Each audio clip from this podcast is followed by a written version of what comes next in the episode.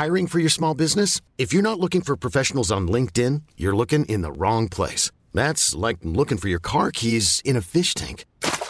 LinkedIn helps you hire professionals you can't find anywhere else, even those who aren't actively searching for a new job but might be open to the perfect role. In a given month, over 70% of LinkedIn users don't even visit other leading job sites. So start looking in the right place. With LinkedIn, you can hire professionals like a professional. Post your free job on linkedin.com slash achieve today.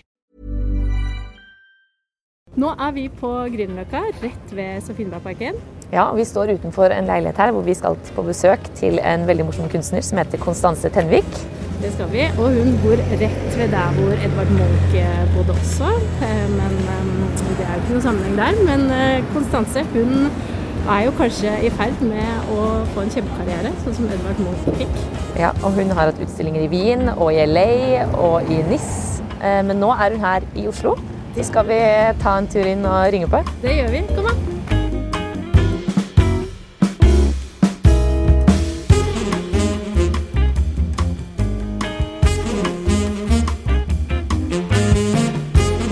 Tusen takk for at vi fikk komme. Takk for at dere er her. Det er veldig hyggelig.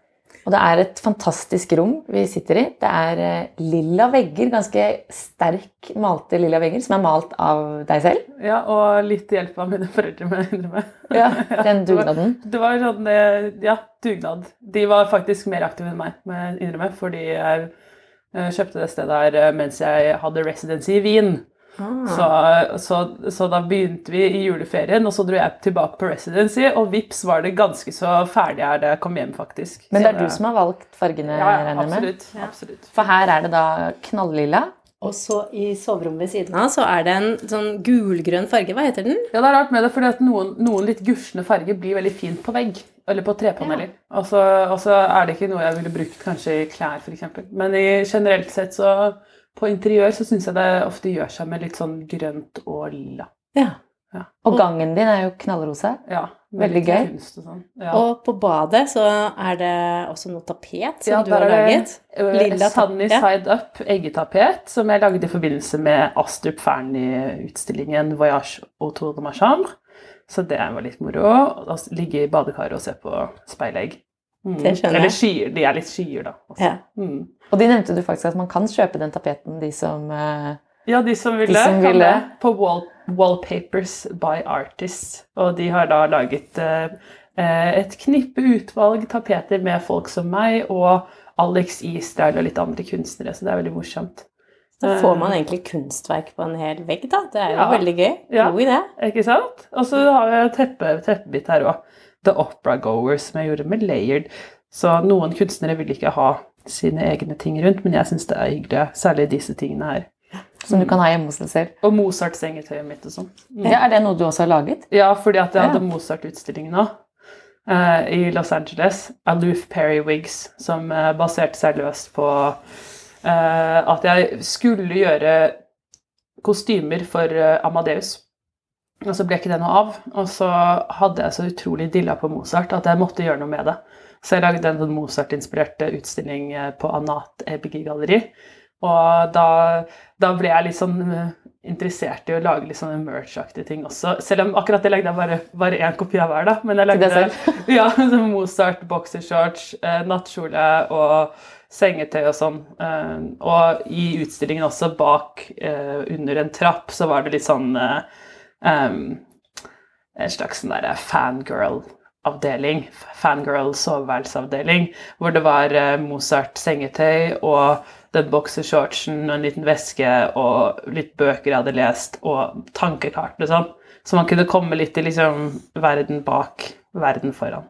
Kult. Morsomt. Og Ja. hva slags kunst ellers var det du viste i eh, LA? Det var eh, stålskulpturer med tekstiler, Ja. og nå, nå tror jeg det er offisielt at de, ja, seks av de ender opp på Nasjonalmuseet, faktisk. Oi, er gratulerer.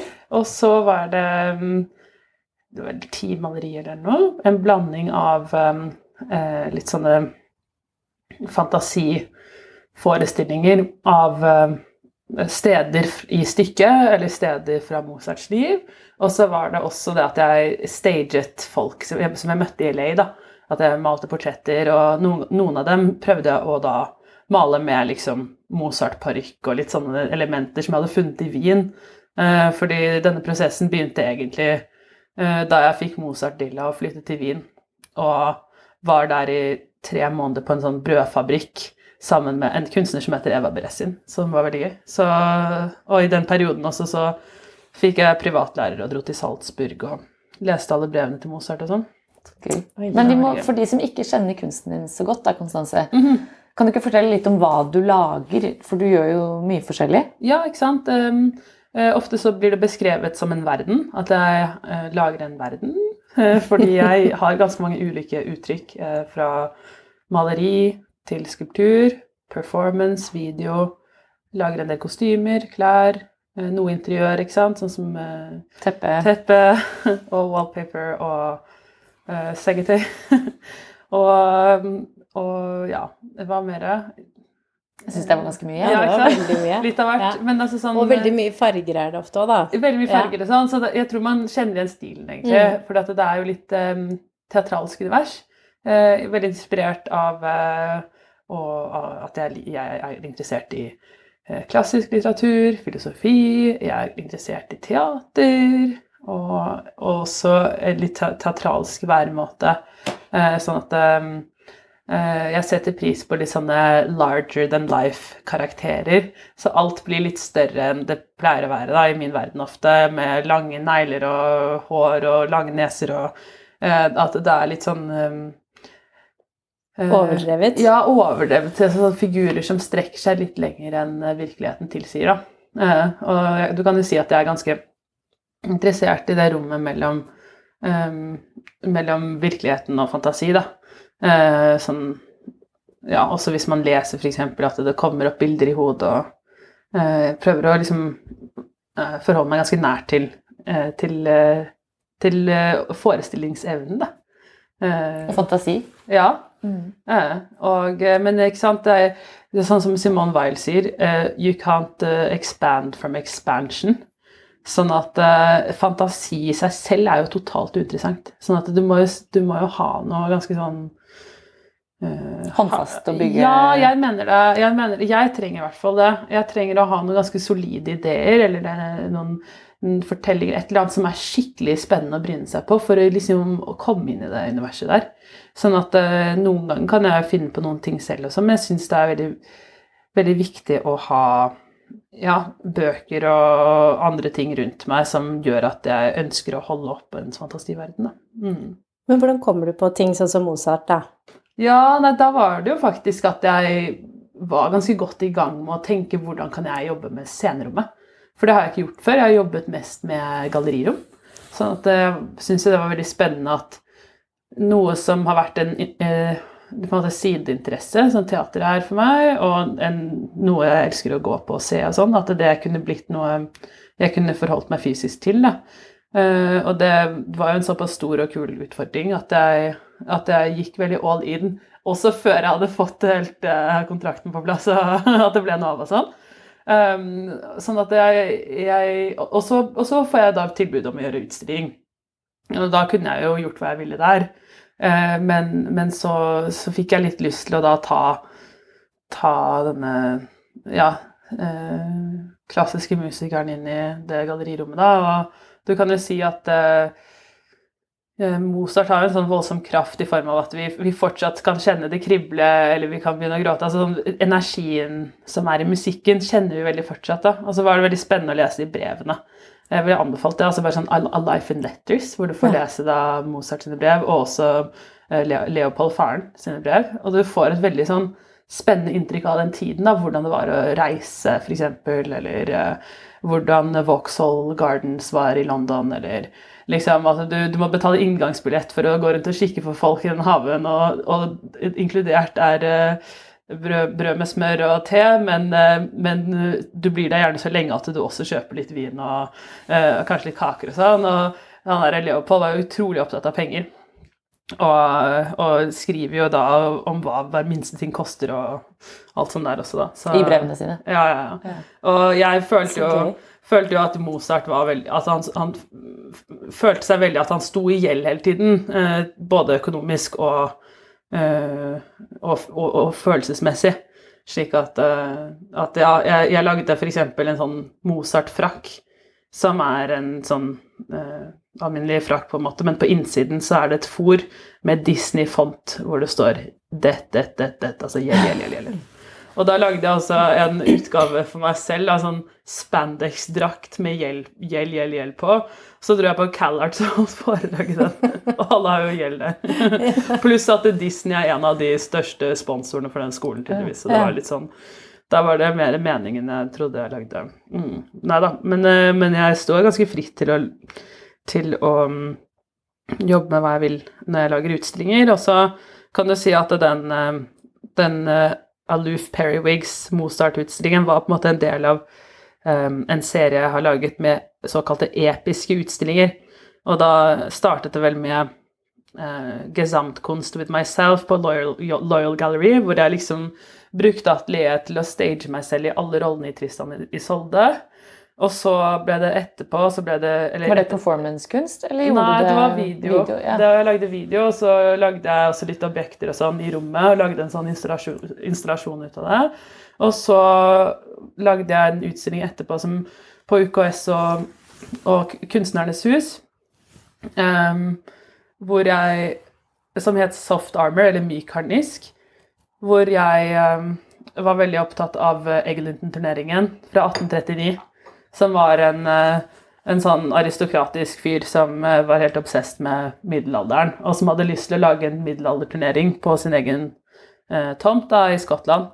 Så han inviterte sånn 150 folk til å leke ridder. Og så ble det kanskje 13 stykker til sammen som endte opp med å gjøre det, og de bommet på hverandres lanser og fikk det ikke helt til, da. Eh, og mens de holdt på å klumse rundt sånn, så begynte det å regne, så det ble litt sånn eh, Don Quijote-stemning. Og akkurat den episoden der syns jeg var veldig morsom, fordi jeg følte at de aristokratene som kler seg opp sånn, som ikke har noe erfaring med å holde et sverd eller noen ting, at det ble litt sånn uh, burlesk, da. Sånn at jeg lagde masse sånne myke ridderdrakter. Og så først dro jeg til Skottland og lagde videoer der og så det slått og sånn. Og så etter hvert så staget jeg liksom Jenny Wahl og venner og familie og sånn til å lage en stor video. Og så lagde jeg også da sånne stål og eh, tekstilskulpturer, hvorav alle de ridderne endte opp på Moderna museet. Og så Uh, ja, så hadde jeg en annen del på UKS som var mer sånn mindmaps og uh, andre typer arbeider som var mer liksom sånn researchen bak og sånne ting. Og så var det på Astrup Fearnley, 'Voyage autour de ma som er basert på en bok fra 1794 med samme tittel, av Xavier de Mest, som da handler om en fyr som har tapt en duell, og som blir sendt til husarrest. Og han bruker da denne tiden for seg selv i turen i 42 dager på å liksom eh, dra på en reise da, i stedet for å se på det som en straff. Så han liksom krysser eh, gulvet og tenker på ting og liksom har egentlig en sånn uh, slags indre reise hvor det, hvor det, oppløser litt hva er verden i hodet, og hva er uh, hodet i verden, på en måte. Nei, altså hod, hodet i verden, verden i hodet. Ja, altså sånn. Ikke sant? Altså sånn, til slutt så han, han er jo bare på, samme, på stedet vil. Men det er veldig mye som foregår oppi toppen allikevel. Så det, det, er jo altså på en måte sånn uh, uh, Overall så, så, vil jeg jo si at de episke utstillingene mine har jo vært litt sånn preget av, av at hovedpersonene er litt sånn delusional. Ja. Spennende. Da hadde du jo et eget rom, husker jeg, oppe Det ja. det lille rommet som var litt sånn for seg selv, og med utsikt utover og Ja, det var fantastisk. Ja, det var veldig fint. Så det var der, ja. der, hvor du går opp, og så er det den broen, og så kommer du ja. inn, og Det er et litt vanskelig rom, egentlig, for det er eh, asymmetrisk og litt sånn spisset, og så har du det vinduet på tuppen hvor veldig mange bare går rett ut og ser på utsikten og sånt. Så da, da, da gjaldt det å liksom få, uh, få opp en få opp en vegg, sånn at man først liksom kom inn i et rom som bare var den eggetapeten. Og, eh, og, så kunne man liksom gå opp en slope, ta av seg skoene, få på seg sånne slippers og gå rundt liksom hjørnet. Og der var det da en sånn fantastisk eh, vev som jeg fikk laget sammen med Innvik eh, ullfabrikk.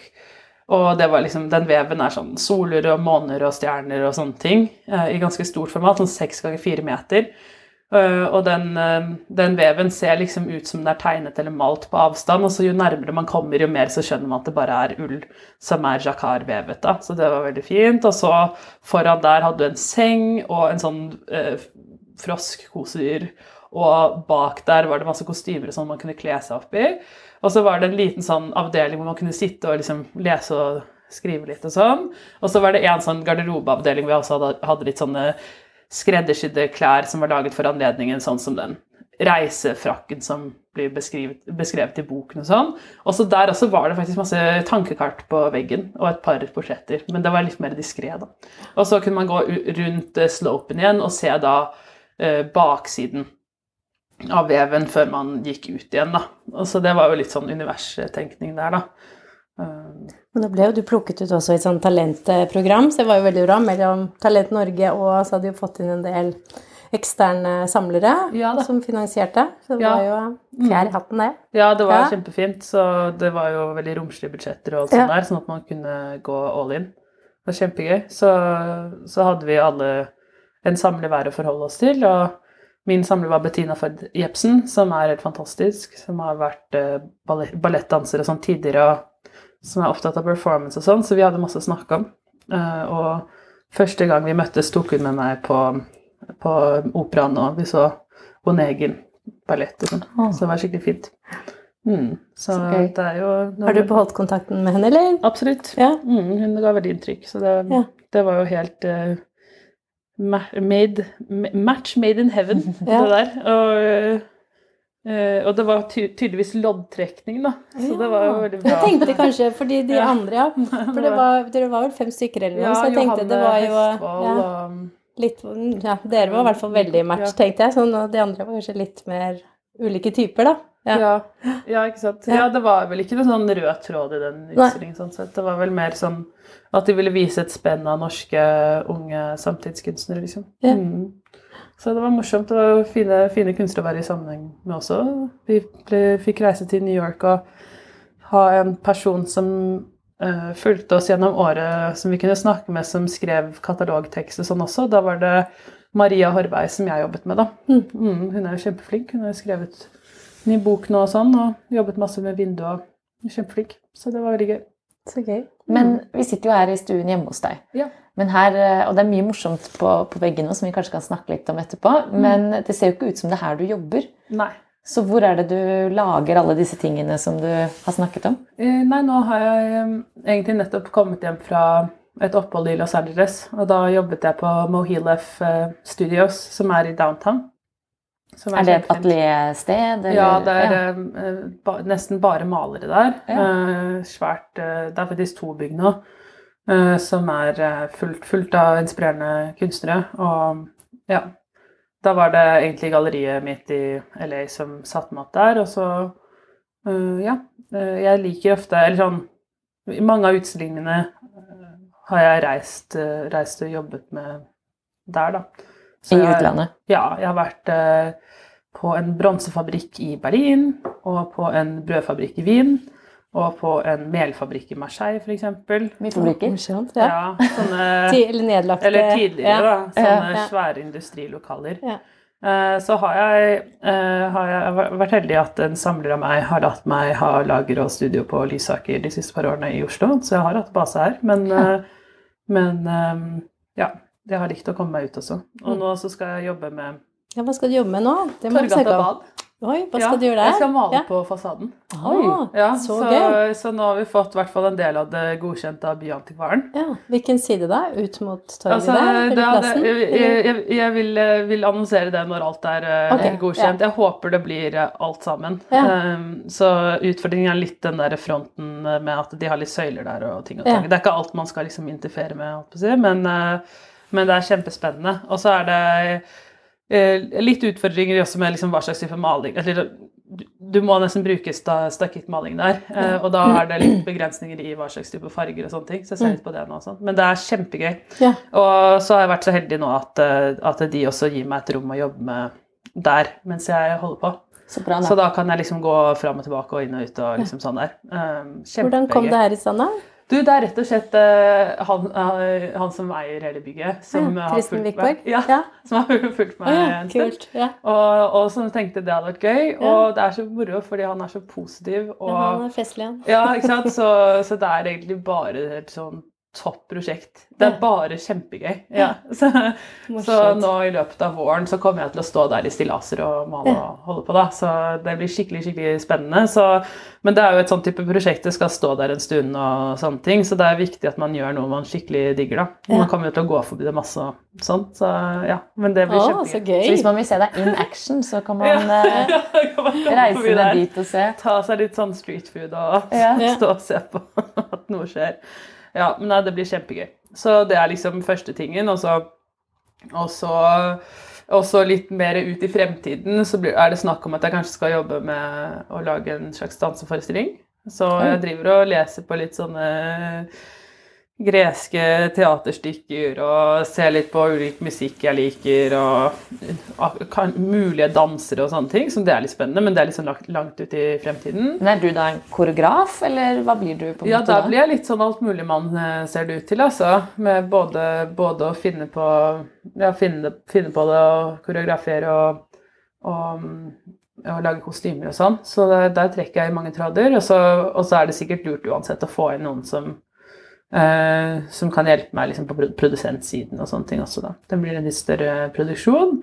Um, og så er det da et galleri som heter Harkavik i New York, som um, vi ser på om vi kanskje skal gjøre Armory, men det har vi ikke fått svar på ennå. Og så um, blir det nå. Når blir det, da? Er Ja, det, det blir ganske mars? snart. Er Ja, nå er det til høsten. Ja, det er høsten, ja. Det Ja. er flere, ja. September, tror jeg. Mm, ja. Og så, og, så, og så blir det uansett solutstilling. Eh, Men vi må bare se litt på akkurat når vi skal plassere Ja. det. I forhold til at jeg eh, helst har lyst til å komme meg på eh, residency i New York, sånn at jeg får produsert en del av det der. Mm. Og da leser jeg faktisk en del sånn Rabelais, Garantuia og sånn. Og ser litt på liksom Å lage scener med folk som spiser og drikker og rocker på, da. Så det er veldig gøy. For jeg liker veldig godt å lage scener, i hvert fall når jeg maler og sånn, så er det veldig gøy med liksom dansescener, eller at folk interagerer med hverandre og sånne ting. Så jeg er veldig opptatt av liksom ja, Bruegel og andre, andre malere hvor det er mye action og, og liksom litt sånn at det er litt teatralsk og sånn. Eh, eller så prøver jeg også å se litt på Caravaggio nå, Ja. bare på blikkene. Ja, På blikkene. Ja, Ja. for det er så utrolig Han er så flink på få oss til å føle det de føler, og at det, det er ganske mye som kommer igjennom, da. Ja. Altså, Nå skal ikke jeg sammenligne meg med Caravaggio, men det er i hvert fall ja. Og musikk, det er høyt. Men eh, ja, ja. Men det er veldig, Mm. jeg syns jo det er veldig gøy sånn. Nå, nå har jeg nettopp eh, også kommet hjem fra, fra en reise hvor jeg har fått, fått med meg eh, både Miriam Chan eksempel, på Palais de Tokyo i Paris, og så i London så har jeg dratt på liksom, noen av favorittstedene mine, sånn som Sir John Soanes House og The Wallace Collection og sånne ting. Det er jo veldig gøy å se, se de der mestlige gamle tingene, selv om jeg er jo veldig opptatt av uh, fremtiden også. Og jeg har jo egentlig et ganske sånn uh, fritt og moderne uttrykk. Eh, Ja. Så det er ikke sånn nødvendigvis at man ville ha trodd, når man ser hva jeg gjør, at jeg ser på så mye gamle greier. Nei, for det skulle jeg akkurat til å si. Ja, og da vi var Du har jo akkurat også smykket ut hele hotellet Revier nede i Kvadraturen. Um, og så var det jo et sånt arrangement der for ikke så lenge siden, og Ja. da pratet jeg litt med, med en kunsthistoriker, og hun sa jo det var i det ene store bildet der tror jeg hun eh, tenkte veldig på um, på Ticelli. Nei, Ja, absolutt. ikke Ja, da var det en del sånne ja, referanser. Og litt. Også. Ja, ja, ikke sant? Men du må, jo, eh, ja, du må jo kjenne litt til det da, før, eh, før du kanskje skjønner det. Så Ja, derfor sant. innvidde. Ja, ja, ja. Mm. Hey, I'm Ryan Reynolds. At Mint Mobile, we like to do the opposite of what Big Wireless does. They charge you a lot, we charge you a little. So naturally, when they announced they'd be raising their prices due to inflation, we decided to deflate our prices due to not hating you. That's right. We're cutting the price of Mint Unlimited from $30 a month to just $15 a month. Give it a try at mintmobile.com slash switch. $45 upfront for three months plus taxes and fees. Promo rate for new customers for limited time. Unlimited more than 40 gigabytes per month. Slows. Full terms at mintmobile.com. Okay, I have two new obsessions that I need to share with you. Impress No Glue Press On Manis and Impress Press On Falsies Lashes. Trust me, these are getting ready game changers. Both require no glue, so there is no damage to your natural nails and lashes, no mess, and no annoying dry times. Just one step and you're done. Boom instant glam. Visit impressbeauty.com slash presson and use code PRESSON25 at checkout for 25% off Impress Manicure and Press-On Falsies.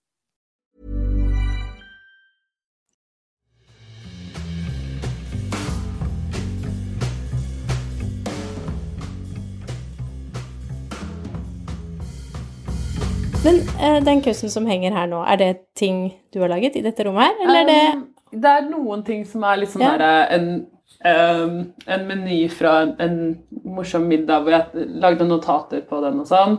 Og så er det noen ting sånn som um, plakaten til at Chris Crouse og Wenche Moorleisen fikk møte hverandre da jeg inviterte dem til Oslo og sånn. Ja. Men ellers er det liksom Ja, jeg har kjøpt og byttet til meg en del kunst av Ja. eh, venner og kollegaer, og så og så er det noen litt sånn småting som er mer sånn minner fra livet. Altså Det jeg har av meg selv, er mer sånn Men det er noen ting her du har laget, sånn det ja, sånn lille er oppi oppi der. der fra 30-årsdagen min. Da jeg lagde Ja. gâteau Vert, er som er. Monet sin favorittkake. Nei, så gøy. Hva er det for noe da? Jeg har en kokebok som heter Monets Kitchen. Ja, Nå så jeg faktisk Monet i Paris også, på Louis Ja. Vuitton, øh, Foundation, sammen med, med Mitchell. Ja, Mitchell, ja. Ja, så, um, men ja, han hadde jo det nydelige stedet og, og lagde masse Likte å hoste og sånn, da.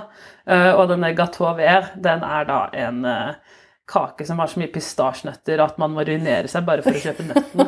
altså, men det er en nydelig kake. Altså, det er en slags, eh, en slags Du lager en slags sponge med en del eh, mandler og, og litt appelsinskall og sånn. Og så lager du en sånn slags eh, smørkrem, og så er det da denne uh, denne Du farger liksom ting med spinatvann, og så er det da denne marsipanen laget på pistasje. Oi, yes. Sånn det det høres kjempegodt ut. det hele, Ja. den er kjempegod. Ja. Mm, men eh, jeg hadde jo ja, jeg hadde en eh, ganske morsom fest på 30-årsdagen min, hvor jeg da hadde fått sydd opp den der eh, hvite dressen med, med de litt sånn intrikate spøkelsesmønstrene som jeg viste så vidt i stad før vi kom i gang her. Så hadde jeg laget den, og så hadde jeg noen fantastiske venner som spilte back-to-back eh, DJ og sånn, og så var det en venn av meg som heter Bendik som hadde spilt eh, nydelig saksofon rundt midnatt og sånn, og så hadde jeg ikke helt fått kaken til å komme seg sammen, og da i løpet av festen hadde jeg også da byttet klær til min skreddersydde eh, hva heter det for noe, spandex-drakt i sølv og sølvrosa. eh, hvor jeg da egentlig hadde vært inspirert av uh, Harlequin-mønsteret, men hvor mange syns den så litt mer ut som noe sånn intergalactic et eller annet pga. materialvalg. Uansett. Det er den vi Eh, kan se på bildet der oppe. Eh, ja, det er den drakten der. Ja. Og så liksom var det det øyeblikket hvor jeg ble veldig redd for at Bendik skulle gå hjem. For han er så flink til å gå hjem tidlig og sånn, at jeg tenkte nå må jeg få han til å bli lenger på festen og få den kaken sammen. Så jeg drev og vispet smørkrem Ah. nærmest på dansegulvet og sånn da, og fikk alt til å komme seg sammen slik at jeg kunne reddes til den gode stemningen. Nei, men det var veldig gøy. Og så Ja. laget du den tegningen? Ja, og så eller lagde jeg den eh? Eller jeg, tok, jeg, jeg fikk noen til å ta et bilde av det, og så, tok, Ja. og så malte jeg det dagen etterpå. Å, så, Så- gøy. så det var en veldig fin historie. Med portretter og sånn, så er det litt sånn jeg, eh, jeg gjør mye live, og så er det noen ganger at jeg tenker åh, dette hadde vært en bra, bra tegning. Ja. Så jeg har i gangen der, så har jeg også en, en venn av meg som heter Lucio, som jeg da møtte på et dansegulv, og som jeg eh, malte med en gang jeg kom hjem, og så sendte jeg skannen til han, og så fikk jeg da melding eh, med en gang. Hei, fantastisk at du malte meg sånn. Eh, jeg er egentlig ballettdanser, og nå har jeg satt av to billetter til deg på premieren på onsdag. Oi, ja. så fint da. Ja, så det er jo litt sånn eh, Ja, tegning er jo veldig sånn en, en måte jeg eh, blir kjent med mennesker på, egentlig. Ja. Og, og det er jo også en veldig effektiv måte å få kommunisere ideer på. Så jeg må jo bruke det når jeg skal lage tekstiler og tapeter, og, eller nå på Torgata Bad, liksom, og se for seg hvordan man kunne ha plassert ting, og hvilke former og farger og altså sånn. Det er jo veldig Det er jo liksom noe av det mest direkte fra hode til hånd, da, egentlig. Så ja. Det, er, det ligger mye i tegning for meg, egentlig. Ja. Mm. Har du alltid tegnet mye? Ja, det har jeg. Ja. Mm. For hvordan startet karrieren din? Kanskje vi kan ta litt om det òg? Fordi du, Ja. du er jo bare 32 år Mm. og har jo gjort veldig mye. Som du har vært inne på. Du har hatt utstillinger ja. mange steder over hele jorden og, og holder på. Hvordan begynte det for din del? Um, jeg tror eh, Jeg tror vel egentlig Altså, jeg fikk sånn derre eh, scholarship å, eh, fra Rotary-klubber til å studere journalistikk og filosofi i Georgia i USA. Og da skulle jeg gjøre det, da. Og så tenkte jeg plutselig at ja, men hvis det bare er ett år, og jeg ikke skal fortsette med undergrad i USA, så kan jeg like godt ta det jeg liker.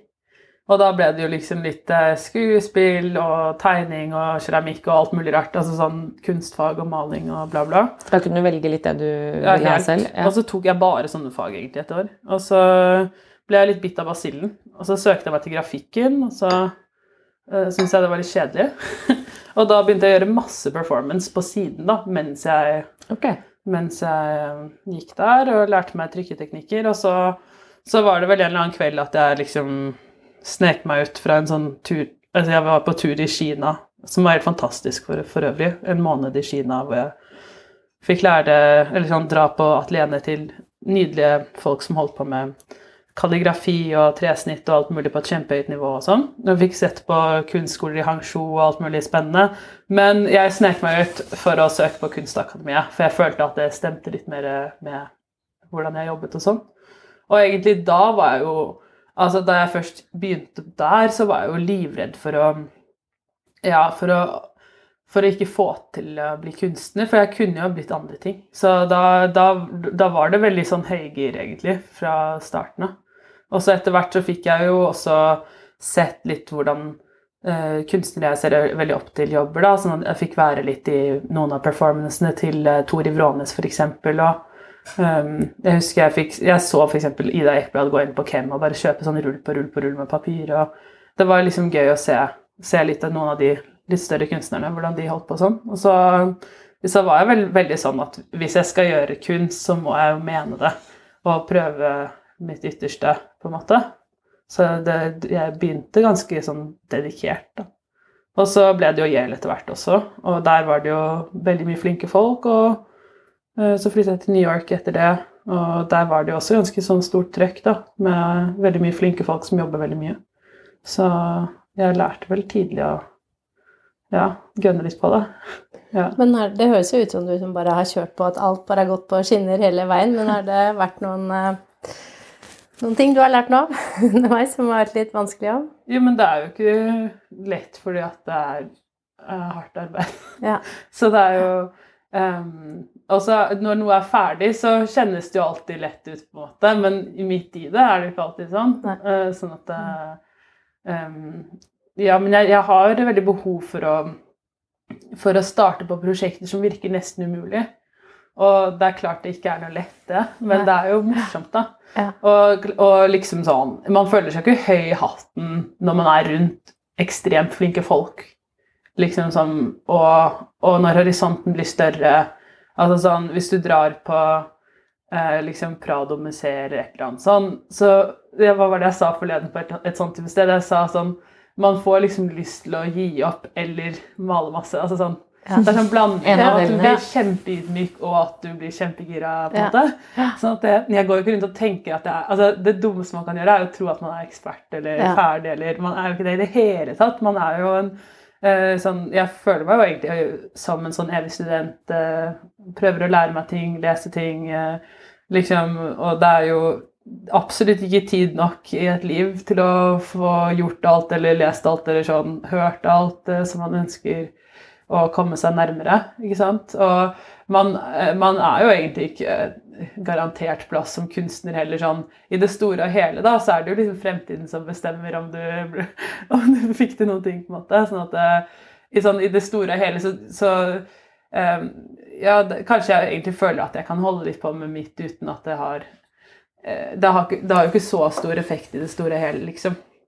Alt blir bare pulver til slutt. Nei da. Men det er sånn ja, men, men altså, sånn, det kan jo skje også noen ganger sånn Wow, jeg ble kjøpt inn av moderne, og det går jo rett i kjelleren. Og, eh, og så skulle de prøve å stille ut en gang. Nei, da var de veldig redde for at tekstilene kom til å falme. Så? Så det er jo ikke sånn Jeg tror ikke man skal liksom være så resultatorientert på den måten. Altså, det er jo kjempestas når ting blir bra og sånn, eh, men det absolutt viktigste er jo prosess. Og nå er jeg veldig opptatt av at eh, jeg prøver mer og mer å jobbe med bare folk jeg digger. da. Og jeg vil, til og med ha, jeg vil til og med ha en god følelse når jeg går inn av tannlegekontoret. Til og med tannlegen min skal være Ja, topp. ja, og frisøren og, Ja. og liksom produsenten og alt sånt der. For jeg tror egentlig sånn, i det store og hele så er det, vikt, det viktigste man har, er liksom energien sin. da. Mm. Og at man fortsetter å ha lyst. Så liksom, det gjør ting lystbetont, da, og det krever veldig mye, egentlig. Og min kunst er jo også litt sånn joie de vivre-aktig, så det krever jo at jeg em, at jeg ikke synker ned for mye, da. Så det krever jo egentlig ganske mye å, finne, å fortsette å finne noe man eh, blir gira av og sånt, da. Ikke sant? Det, jeg syns jo ikke liksom eh, syns ikke liksom sånn samfunnet som sådan, sånn med alt som skjer uh, ute i verden med grusomme ting, og, og bare sånn estetisk sett så mye stygt og alt mulig. Altså, det er jo veldig mye nedbrytende overalt. Så, så og, og jeg prøver å være på den oppløftende delen av ting. Og da, da krever det ganske mye, bare det å få lyst. Mm. Men når Moderna og Nasjonalmuseet eller andre store kjøper deg inn, da, Ja. du, syns du ikke det er noe gøy, eller er det mer det at du legger det er, det er kjempegøy, men det er jo mange av de um, det, er, det er jo ofte det går etter kjelleren, da. ja. Ikke sant? Det går jo ikke rett opp på veggen der.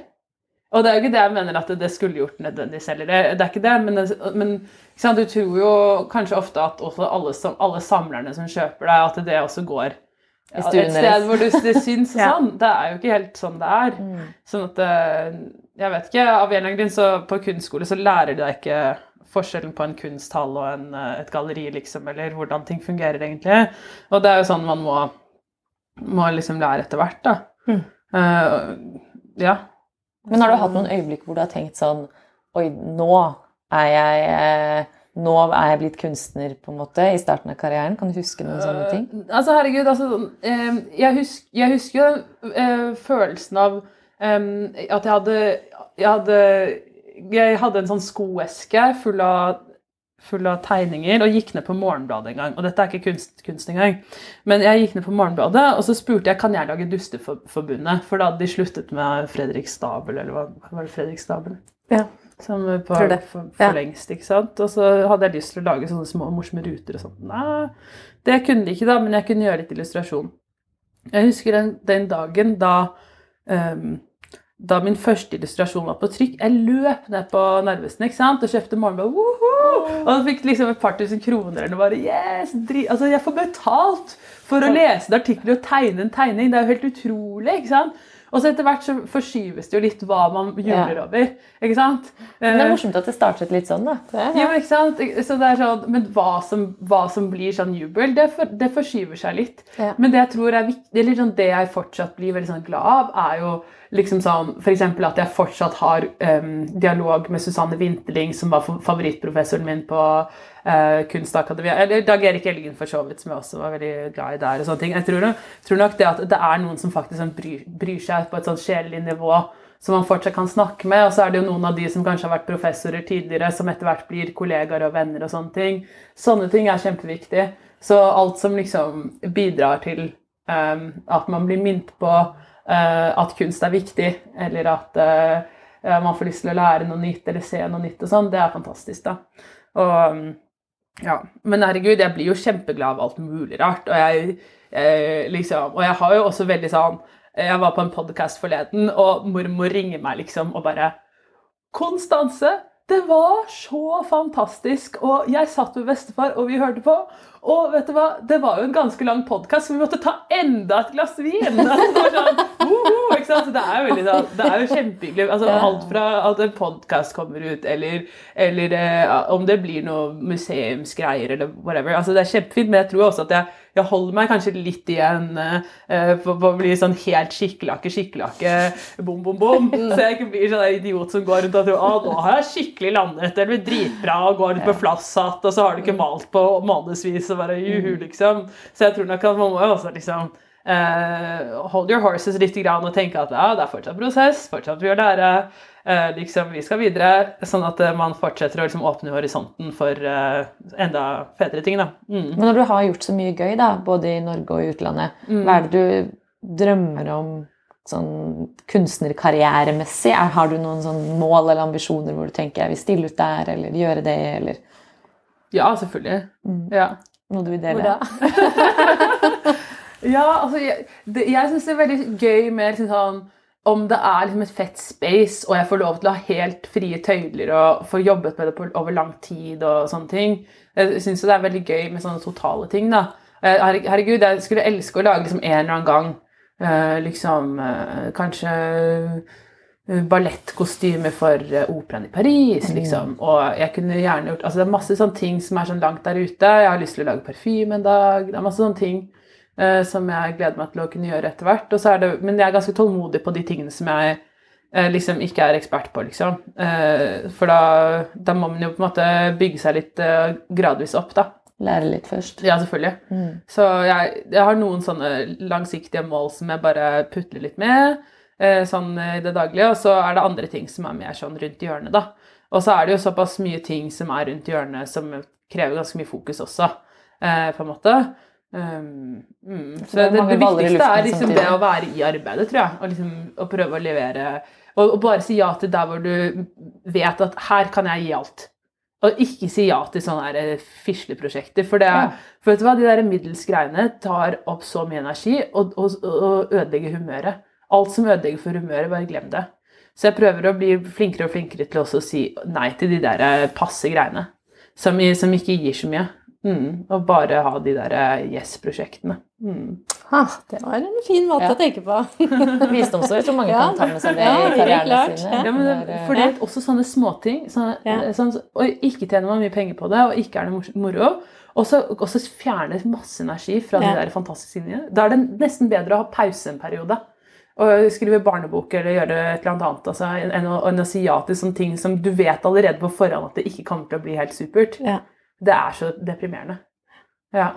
Men så er det jo, vil jeg tro, ganske mange kunstnere som også ikke kan velge bort sånne ting. Da, ja, sant? må man jo komme seg på et visst nivå før man kan plukke Uff, ja. litt mer, kanskje. Ja, men jeg har alltid vært livredd for det. Det var derfor jeg gønnet sånn på i starten òg. For å slippe det derre altså, Eller jeg, kanskje mange tenker jeg er middelmådig nå, men jeg var i hvert fall livredd for det.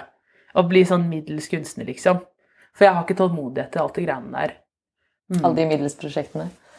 Ja, eller hva, hva du må gjøre da, da. Mm. Det var sånn som Jeg var veldig interessert i dans da jeg var liten, og jeg har ikke turnout til det. Jeg har ikke kroppen til det. Eh, Det hadde ikke fungert uansett. Men når du allerede vet som tenåring at uh, du er ikke i kategori hvor du kommer til å bli ballerina, liksom. Uh, hva blir du da? Til slutt så blir du sånn der yogalærer på Jo, men, og, jeg, og jeg har også vært yogalærer på SATS, jeg er som 16-åring, og fint det. Men altså, sånn, jeg, jeg tror jeg, jeg kan ikke råtne på rot. Jeg har veldig mye energi, jeg har veldig mye jeg vil gjøre. Jeg er ikke sånn type, Da må jeg finne på noe helt annet, tror jeg.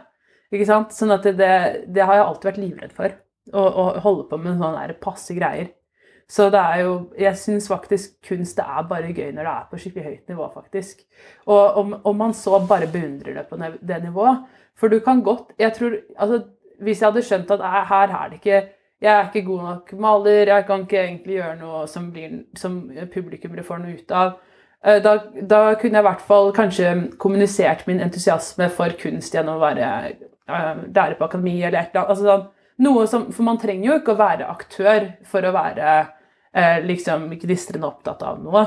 Det er ikke det, men ja, jeg vet ikke. Ja, det, er, det er faktisk ganske det er, det, er, det er trist å tenke på det der eh, opplegget der. For det er jo urettferdig, og man skal jo ha flaks også for å få til muligheter og sånn. Ja, tenker du det? Uff. Har du hatt noe flaks? Ja, selvfølgelig. Blanding av ar hardt arbeid, flaks og, og timing og ditt og datt. Masse greier på en gang, selvfølgelig. Også, men så etter hvert så blir, blir det en bølge av det da, som man kan ride, ride litt på. Eller blir det, jeg føler i hvert fall at jeg er på en bølge nå som er, føles litt trygg ut. Så det ikke bare er sånn usikkerhet og sånn. For jeg tror ikke det er noe bra med sånn Hvis du er i sånn prekær hengemyr, som er veldig fort gjort i et eh, prekær Det er jo en prekær kunstverden. Jeg kan ikke sitte og tenke på tilbud på Rema 1000 og, og kan jeg ha atelier og Nei, jeg vet om jeg kan kjøpe den tuben med maling og Altså, du, du får jo ikke kommet i gang. Ja. Så det er jo viktig å være I hvert fall jeg tenker at Fattig kunstnermyter, bare glem det. Bare gi dem alt. Vekk, få vekk de der kjedelige kontorbyggene midt i byen og få inn kunstnere der. Ja, faktisk. Jeg syns det skal være mye mer kunstner. Og jeg, mener eh, kunstnere i by. Ikke, ikke få de ut på landsbygden. Og jeg mener at vi må ha flere skolefritidsordninger for kunstnere, hvor det er billig suppe, brød og salat og kaffe og sånn. Hvor kunstnere kan møte hverandre uten at det skal koste liksom skjorta, og uten at du må på bygda for å få til det. Så, så ja, det er, det er, nå høres det ut som en skikkelig urbanist her, men um, nu vel. Ja, ja. Det er lov. Du skal ja. til New York og Ja, ja. det må du stå for. Ja, Det ja. er veldig bra. Nei, jeg har, nemlig, jeg har nemlig prøvd å være kunstner på Vestfossen, og, og, og, der, eh, og det var jo helt kongelokaler, men, eh, men det var et øyeblikk hvor jeg skrev klagemail til Nidar om at eh, det, rispuffene i rispuffene eh, Altså at puff, puffede ris i rispuffene ikke gikk hele veien ned, så det føltes ut som en melkesjokolade med ris, rispuff på toppen. Og da tenkte jeg, vet du hva, hvis du sitter og skriver en sånn mail, da er du på feil sted. Da kjeder du deg. Det går, det går ikke. Ikke sant? Så jeg tenker jo at det er viktig at kunstnere også skal få lov til å stikke innom Nasjonalmuseet. Gå på biblioteket, gjøre litt research. Det er fantastiske bøker der og alt mulig rart. Stikke innom en kafésted, møte noen folk, se hva som skjer. Altså, herregud, hvis du ikke får noe input, hvordan skal du ha noe å gjøre Bli på det inspirert. atelieret? Ja. Ja. Så der mener jeg sånn Herregud, det er masse støtte til kunstnere i, i Norge, men det er jo veldig vanskelig å finne et kult atelier. Så det syns jeg er litt uh, ubalansert. Og så er det jo noen nå f.eks. på Ensjø som har eh, pusset opp selv og holdt på og laget fine lokaler, og så plutselig blir de jo kastet ut eh, etter noen år, for da skal det bygget brukes til noe annet og sånn. Det hadde vært veldig bra at det var noen eh, bygg i byen som var sånn bankers. Her er det bare kunstnere, liksom, for de neste 100 årene. Bare glem det. Det blir ikke noe sånn tull her. Dette var en oppfordring til Raymond. Ja. Og ja, nå får han inn så mye eiendomsskatt. eiendomsmeglere som hører på, som hører på nå. Hør min bønn. Ja, det var det. Store, lyse rom med deilig, naturlig lys og høy, høy takhøyde til kunstnerne. Høres ut som Munch, Munchs atelier. Ja, det gjør vi har vært Å ja, det er så fint. Ja. Ja. Ja, Men nå tror jeg faktisk vi skal runde av litt, men jeg lurte på om vi før vi avslutter, kanskje vi kan få lov til å se, og de som hører på, da, høre om de kunstverkene du har på soverommet? Ja, jeg har eh, Christina Corallis tegning. Eh, hun er en fantastisk kunstner som jeg gikk på Yale med. Eh, og hun lager helt nydelige malerier som er ofte sånn kropper som smelter litt inn i hverandre. Og det er en sånn blanding av figurasjon og abstraksjon som er helt fantastisk. Og hun lager også en del sort-hvitt-tegninger som er kjempefine, og det er en av de. Og så har jeg en sånn nighttime drawing av Dag Erik Elgen, som er eh, eh, Eller evening drawing, altså han lager eh, tegninger på kveldene. Og det er fantastisk å kunne ha en original tegning, for vanligvis så tar han tegningen og gjør den om til et maleri, Ja. f.eks. Ja. Han er veldig opptatt av liksom kopiene og de Ja, han jobber jo utgavene sånn. mye med det. Ja, veldig. Så, og han er en sånn nydelig person som kan Ja. så mye om kunsthistorie og alt mulig, som har bare gitt veldig mye til mitt lille hode. Så han er veldig hyggelig å ha på veggen. da. Det er en sånn slags eh, nøkkel med en dusk i. Og så er det da Robert Kulisek som har eh, et eh, fotografi av en del sånne klubbere fra, fra Berlin, da. Og så her inne i stua så har jeg litt sånn Sissel Påske der borte og Hvilket er det som er Sissel bitte Det lille? der. Og det var så- ja. Ja, og så har jeg Marcella Sala der, og så har jeg vel Charlie Roberts i gangen, og um, ja, litt forskjellig. Litt ditt og datt, men det, ja. Og ja, morsomme små ting. eh. For der er det jo også en veldig sånn karikaturaktig tegning som det står 'Art Dealer' under. Ja, det er. Martin Skauen som har en litt sånn eh, kødden uh, ja, fyr i underbukse. Nesten ligner litt på han derre Werner Jensen. Han, Ja, frakk full av maler, malerier og tegninger og sånn. Og penger i underbuksen. Ja, og så er det Austin D her borte. Han lager kjempekule ting. Mye sånn eh, digitale eh, Ja, det er sånn digitalt og analogt går litt over i hverandre. Han lager ting som ser ut som det kommer ut av paint omtrent, selv om det er eh, bronseskulpturer. Og, og han er helt sånn vill. eh, Han har stilt ut i Takashi Murakamis galleri og alt mulig rart. altså sånn, Han jobber på et kjempehøyt nivå. Og han har da spraymalt det der eh, portrettet av meg der borte. Ja, litt av hvert. Så hva skal til da for å komme på veggen din? Nei, vet du hva, Dette er veldig relasjonelt. Det er jo litt sånn her, eh, Jeg har kjøpt litt av kunststudenter og sånn her, her også, som jeg har hatt veiledning med på skoler og sånne ting. Så det er jo mye venner og sånn, må jeg si. altså. Det er ikke kunst for investeringens skyld.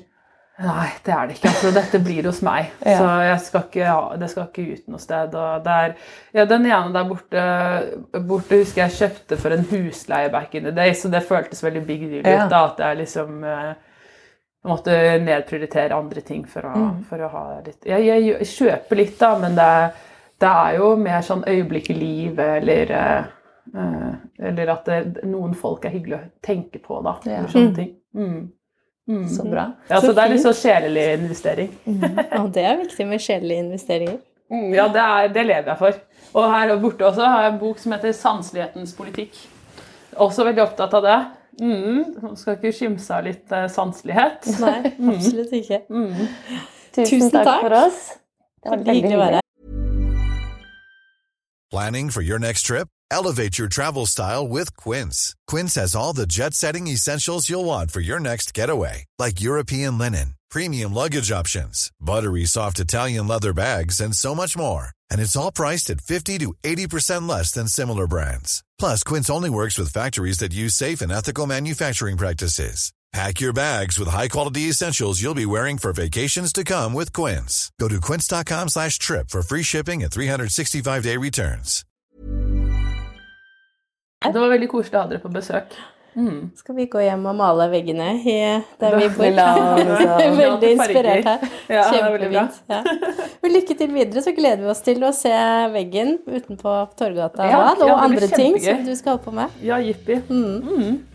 Takk for nå. Ha det bra. Hei. Kunstpraten er en podkast fra Finansavisen. Programledere er Margrethe Hegnar og Kari Nestås. Produsent er Lars Brenden Skram. Og ansvarlig redaktør er Trygve Hegnar.